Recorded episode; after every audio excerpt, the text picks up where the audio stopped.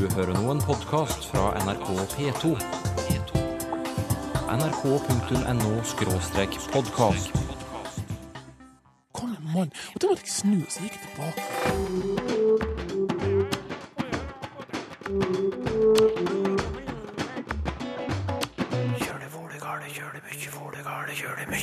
Spansktalene i Norge blir påvirket av norsk.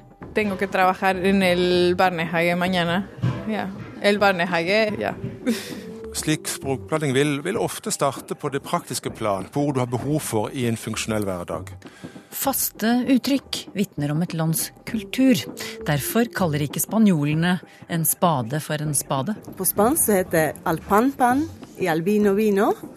Det betyr eh, brødet er brød, og vinen er vin. Eh, Å få hetta, Sylfus Lomheim, hvor kommer det uttrykket fra? Den første tida, de hadde elektrisk gitar. Ja, ja vel, hva, hva har hetta med elgitar å gjøre da? De fikk rett og slett strøm i seg. Å, det høres ut som en spennende forklaring. Får vi resten litt senere? Ja, Tengo que ir a comprarme un monedskort. Hva sa du? Tengo que comprarme un eh, monedskort. Du skal kjøpe månedskort. Hva har en norsk glose å gjøre i en spansk setning? Finnes det norske låneord i det spanske språket? Og ja da, Adria Carmen Fuentes har mange. Som barnehage, vi snakket om for eh, barnehage er eh, en vanlig ord som jeg bruker på, på norsk. Jeg tengo que trabajar en el barnehage mañana. Ja. El barnehage, ja. Hva betyr den setningen? Eh, jeg må jobbe i morgen på barnehage. Ja.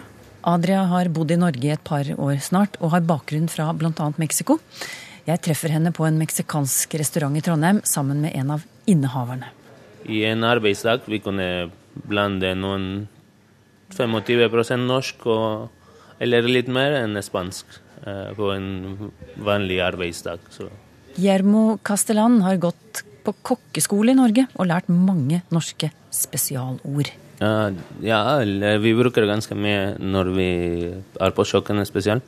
Eksempel hvordan du sier uh, laksekniv i Mexico. Vi har ikke laksekniv engang, så hvis du er på kjøkkenet og du sier uh, Me pasas el laksekniv, og det betyr at uh, ja, alle sammen OK, den er en laksekniv. Fordi vi alle sammen på kjøkkenet vi har lært det her i Norge.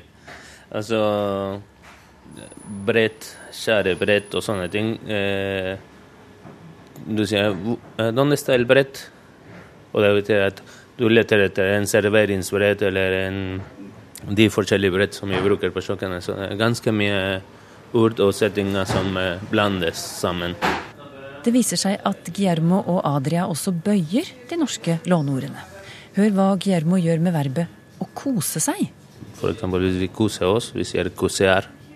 Estamos kuseándonos, og det betyr at vi koser oss. På spansk vi har en, eh, noe som heter gerun, eller i grammatikk, som eh, i slutten av ord vi bruker ando. Så det er kuseando. Vi kan bøye verven. Men hva skjer med å kose seg med månedskort og de andre norske låneordene når Guillermo og Adria er i Mexico? Bruker de dem der også? Det er vanskelig. Det, det er vanskelig fordi jeg vet at de kommer ikke til å forstå hva jeg mener. Eksempel hvis jeg reiser til Mexico, eh, jeg kobler meg hele tida på spansk, og det er veldig få ord som jeg, jeg sier eller prøver å forklare på norsk, fordi det er ikke noe vits. Nei, du kommer kanskje ikke så langt med laksekniv og månedskort i Mexico. Det har både Adria Charmen Fuentes og Guillermo Castellan erfart. Hans Erik Bugge arbeider bl.a. med spansk språk ved Universitetet i Bergen, og har mye med spansktalene i Norge å gjøre. Kjenner du deg igjen i det vi hørte her, Hans Erik Bugge? Ja, det gjør jeg absolutt. Det er veldig interessant eh, hvordan eh, de beskriver opptak av norske låneord på den, den praktiske fronten. Eh, For det viser seg veldig ofte i, i språklige sammenhenger at eh, språkkontakt og låneord eh, skjer der det er behov, en funksjon som skal fylles. Ja, hva, hva er det som har skjedd i disse eksemplene som vi hørte nå? Det er rett og slett det at, eh, vil jeg påstå at eh, når man som spansktalende har behov for å bruke et ord som enten ikke finnes på spansk, eh, eller eksempelet å kose seg, det, det finnes ikke som ord, eller praktisk huskeråd, Hvis man står på kjøkkenet og trenger noe praktisk, så er det lettere å bruke det norske ordet og, og ta det opp i spansken. For det fyller en, en større funksjon enn å fomle etter et tilsvarende uttrykk, eller, eller bruke et mer komplisert ord, f.eks. På, på spansk. Mm. Du har jo kontakt som nevnt med spansktalende i Norge. Er det noen ord du har festet deg ved som de norske ord som de bruker når de snakker spansk i Norge? Ja, altså Månedskort og, barnehage er jo stjerneeksempler. El moniscor. Det kan jo ofte uttales helt ugjenkjennelig nærmest for nordmenn. Uh, og el barnehage. ja. Uh, og dette med å kose seg, som han sa, han, uh, kokken vår han, Det er også et ord som altså Ordet 'koselig', eksempel. Han brukte 'å kose seg' som verb, men mm. 'koselig' som adjektiv her er også mye brukt blant spansktalende. Es muy koselig. Det er ja. veldig koselig. Ja. For det er et ord som ikke fins akkurat i den nyansen på spansk. Ja. og i forhold til dette med verb, så er det jo et veldig morsomt eksempel. Det er um, i forbindelse med, med asylsaker, blant annet så har han veldig ofte hørt eh, spansktalende si at «Nuban er tilbake er». De skal sende meg tilbake. Man tar det uh, norske ordet 'tilbake', sender tilbake, og så blir 'tilbake' gjort om til et verb på spansk. 'Tilbakear'. Ah. Og det betyr da å sende tilbake. Altså de skal sende meg tilbake til Chile, eller hvor man så kom fra. Så det er jo et veldig morsomt eksempel på hvordan tilbake blir et spansk ord plutselig i, i dagligtale. Det har jeg hørt veldig mye brukt. De bøyer de norske ordene, både verbene og substantivene. Det fikk vi jo eksempler på her. Hvorfor? Mm. hvorfor?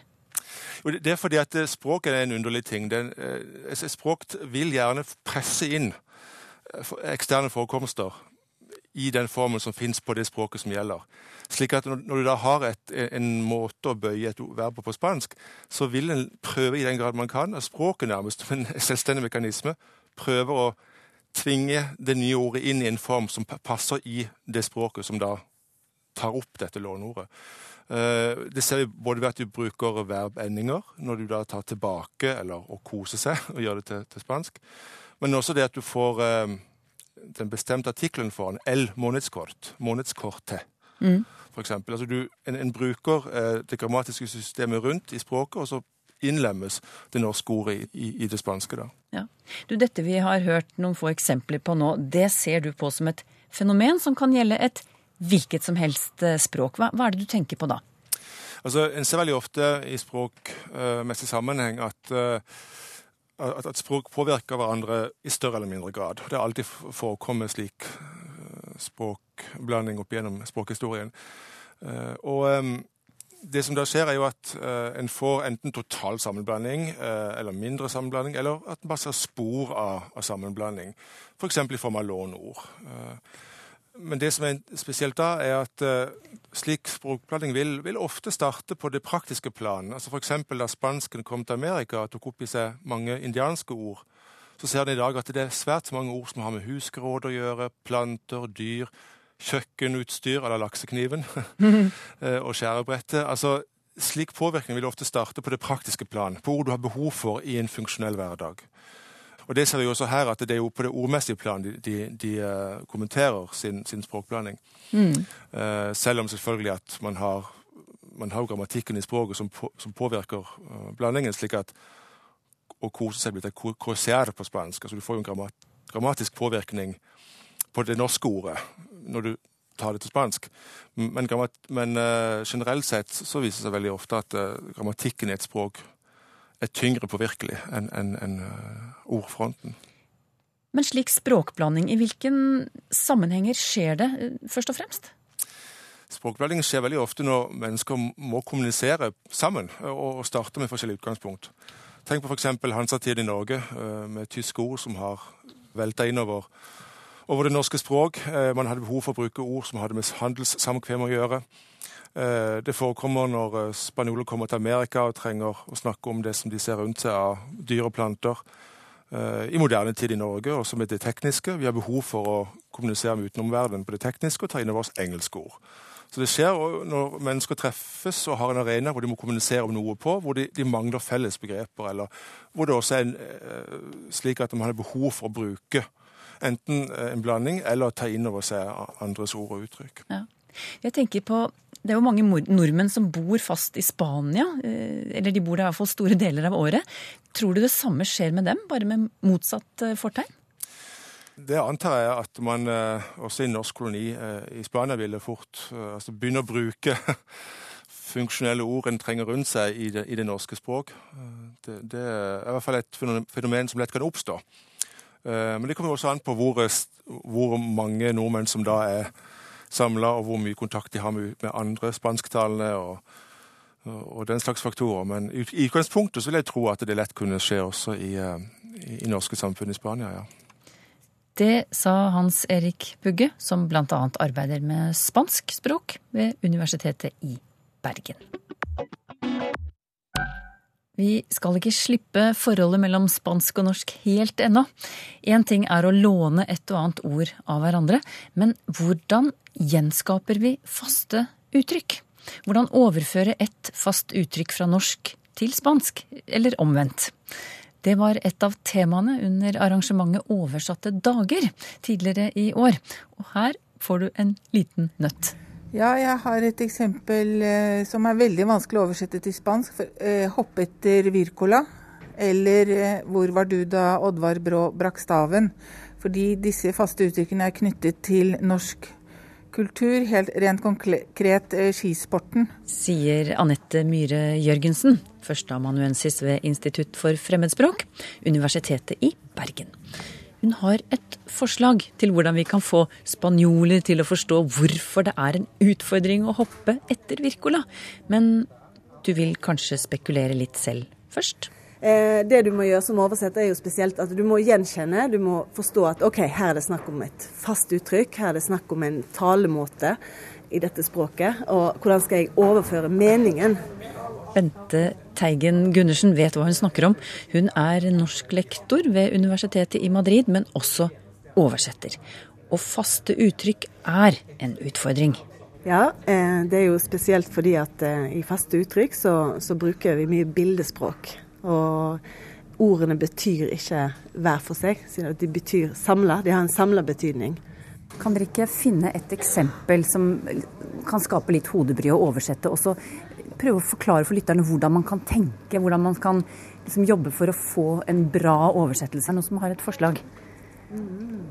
Jeg tenker på uttrykket på spansk 'entrar al trapo'. er veldig spesifikt og kommer fra tyrefekterverden, hvor trapo står for tyrefekterkappen.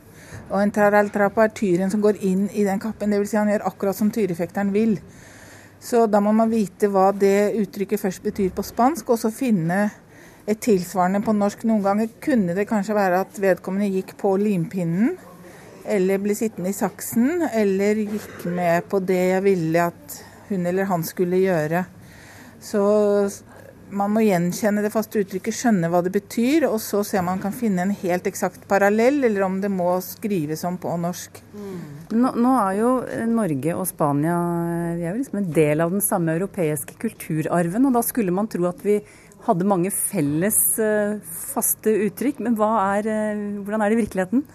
Ja, det er veldig mange felles uh, faste uttrykk. De som kommer fra litteraturen, fra religionen, fra Bibelen, ikke minst. Og, og filosofien. der har vi veldig mange. Uh, F.eks.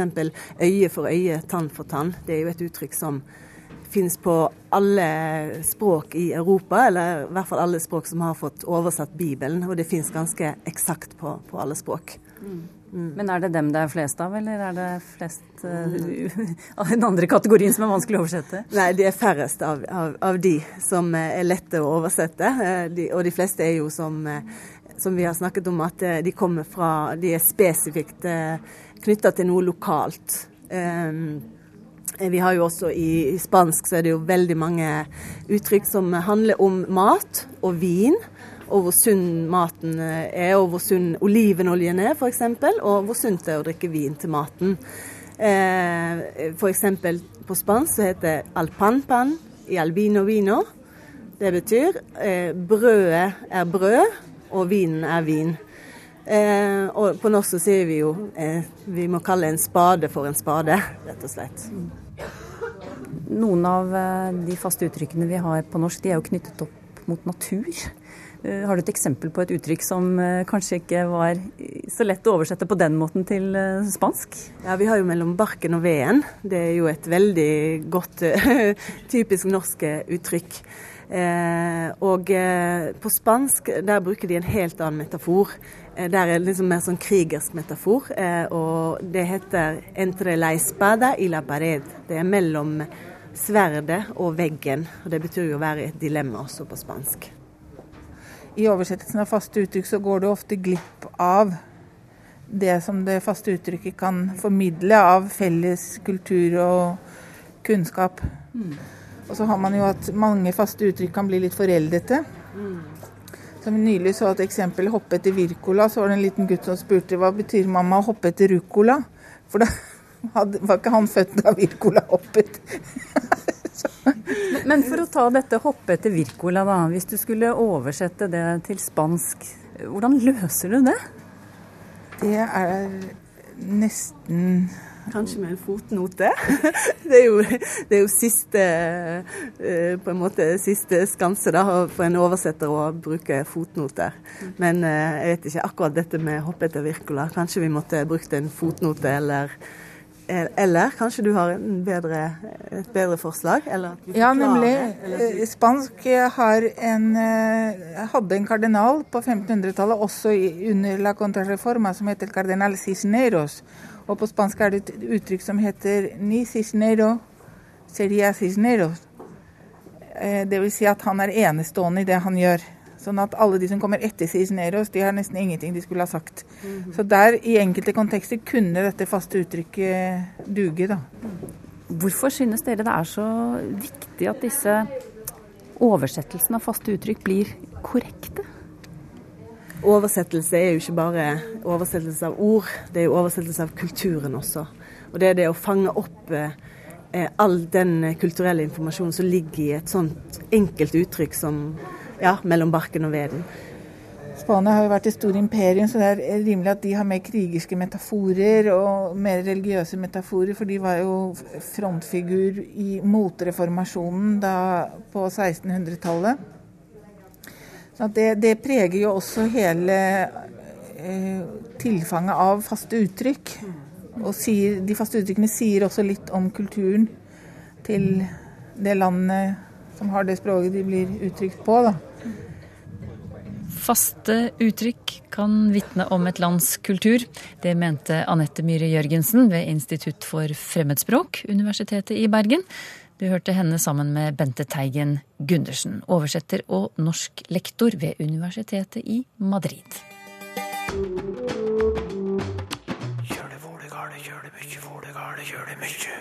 Så var det oss og lytterbrevene, da, Sylfest Lomheim.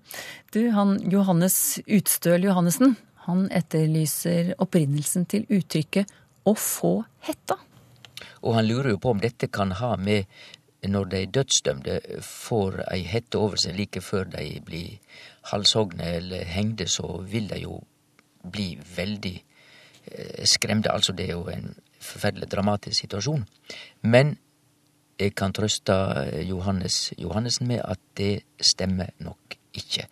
Og dette uttrykket 'å få hetta' Det står i ordbøkene, men jeg har ennå ikke sett ei eneste ordbok som greier å forklare dette uttrykket å få hetta. Men jeg har ei forklaring, og jeg tror på forklaringa også. Lars Martin Myhre er en av våre mest kjente gitarister. Han spiller veldig mye sammen med legendariske Odd Børresen. Og for noen år siden så trefte jeg Lars Martin Myhre på Hurtigruta, og vi begynte å snakke om språk, og han forklarte da dette uttrykket 'å få hetta'. Det skriver seg fra den første tida, sa han, de hadde elektrisk gitar. Og det må vel da bety midt på 1900-tallet, skulle jeg tru. Like etter krigen, kanskje.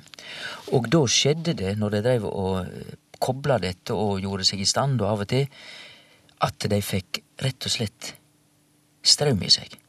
Og det var svært lite behagelig. Altså de første gitaristene som drev med elektrisk gitar, kunne få straum i seg, og da går det rett i hovudet, og det kjennes ut som du får ei hinne over hjernen. Det er veldig ubehagelig. Og det vart uttrykket å få hetta, meinte Lars Martin Myhre, og eg trur på den forklaringa, med mindre noen kan gi ei enda betre forklaring. Og jeg bør jo legge til tyinga til dette uttrykket, det er i moderne norsk å bli nervøs eller å få panikk. Åse Torp skriver til oss om begrepene skryt og ros. Det er mange som forteller at de får skryt for et eller annet, sier hun, og det er jo hyggelig, men det virker som de har glemt at vi har et mer betegnende ord for hyggelig omtale, nemlig ros.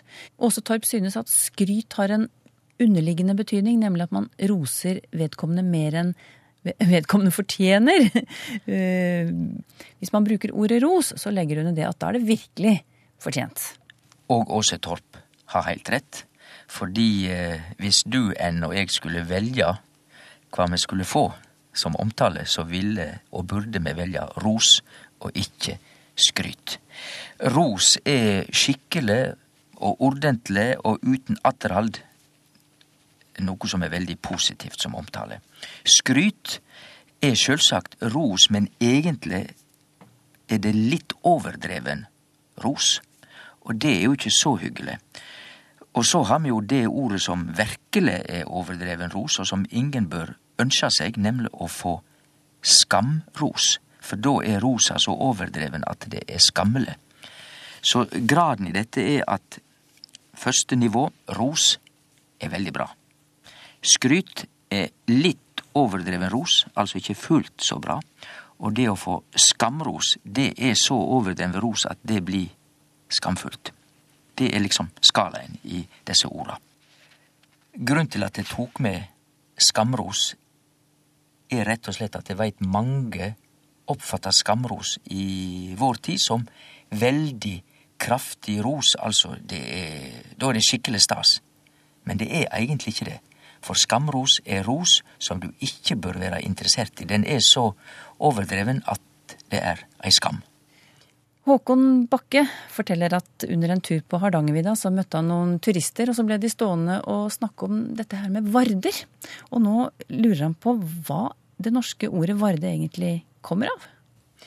Ja, det, det første å si er at um, vi har det jo både på uh, engelsk og tysk. Engelsk heter det ward og warden, og det er jo Det har med vakt å gjøre, det å passe på. Ward. Så jeg kan stadfeste at dette er ikke bare et norsk ord, men det er et, i utgangspunktet et felles germansk ord. Varde. Og på gammelnorsk så heter det eh, et verb der, varda, som betyr rett og slett å ta vare på, eller å vakta, eller òg å speia rundt, altså sjå etter. Så det, det gammelnorske ordet varda, som betyr å vakta, som er utgangspunktet for alle de varene som vi nå ser rundt om på fjelltoppa. Og dette ordet varde er òg historisk i slekt med et verb. Du må vare deg vel for disse skumle pengetilbyderne, eller hva man skal legge til. Altså, nå må du vare deg vel for det. Å vare deg betyr jo å passe deg for. Det er i slekt med varde. Så er det òg artig at dette ordet varde, og som vi finner igjen i engelsk ward, W-A-R-D, det har vandra til fransk, og da er det en regel at eh, det som er V i germanske språk, det blir lett til G i fransk. Meha Wilhelm, det er et germansk mannsnavn. På fransk, det er det lånt inn, heiter det Guillaume, med G-U-I, altså G. Så V i germansk blir til G på fransk. Og derfor så det franske verbet garder, som betyr å ta vare på, det er rett og slett kommet ifra det germanske vare, altså varda eller ward på engelsk. Så dette ordet har vandra rundt om i Europa. Vi kan til og med avslutte med å si at det høgtidelige engelske lord, altså tittelen lord, LORD, det heiter i skikkelig eldre tid Leifvard eller noe slikt, og Leif, det er brød, og verd, eller Ward, eller hvordan vi skal uttale det, er altså å vakte. Så ordet lord er i slekt med det norske vare. Det betyr brødvakter. Så dette ordet vare, neste gang du står framfor en slik en på en fjelltopp, så kan du tenke på at der ligger det mykje ordhistorie. Olav Leite skriver hvorfor sier vi at vi vasker ned leiligheten mens vi vasker opp koppene? Dette er um, flere uttrykk på norsk som har preposisjoner med ned og opp, og han kan lure på hvorfor det er slik, men det har nok litt med nyanser å gjøre som vi legger i disse orda, preposisjonene, uten at vi tenker så nøye over det. Det med å vaske ned leiligheten, da tenker meg at skiten må vekk, den må renne ned i sluket, vi blir kvitt den, og vi begynner å vaske opp og vaske nedover, og når vi er ferdige, så er vi liksom ferdig, og da er alt kommet ned. Jeg tror jeg vil prøve å forklare det slik. Når det gjelder å vaske opp, så har vi ei anna forestilling, og vi har òg mange andre uttrykk med opp. Vi har å gjøre opp for seg, vi ordner opp i ting, vi rydder opp. Altså, Da hører vi at vi setter ting på plass, liksom. Det er ikke bare at vi vasker, men det blir orden på det etterpå. Da bruker vi ofte opp. Og da passer det jo godt å vaske opp. Har du spørsmål til Språkteigen? Skriv til Teigen, krøllalfa nrk.no, eller til Språkteigen, NRK P2, 7005, Trondheim. Så finner du oss også på Twitter og på Facebook. Husker du historien vi sendte i fjor om barn som lager egne ord? Altså tukketukken, det er jo støvsuger, og da er det mm, vel et ord som ble for vanskelig å si, kort og godt. Og det var da et veldig farlig fenomen, så det var tukketukken er farlig. Gjenhør med et av fjorårets temaer i Språkteigen om en uke.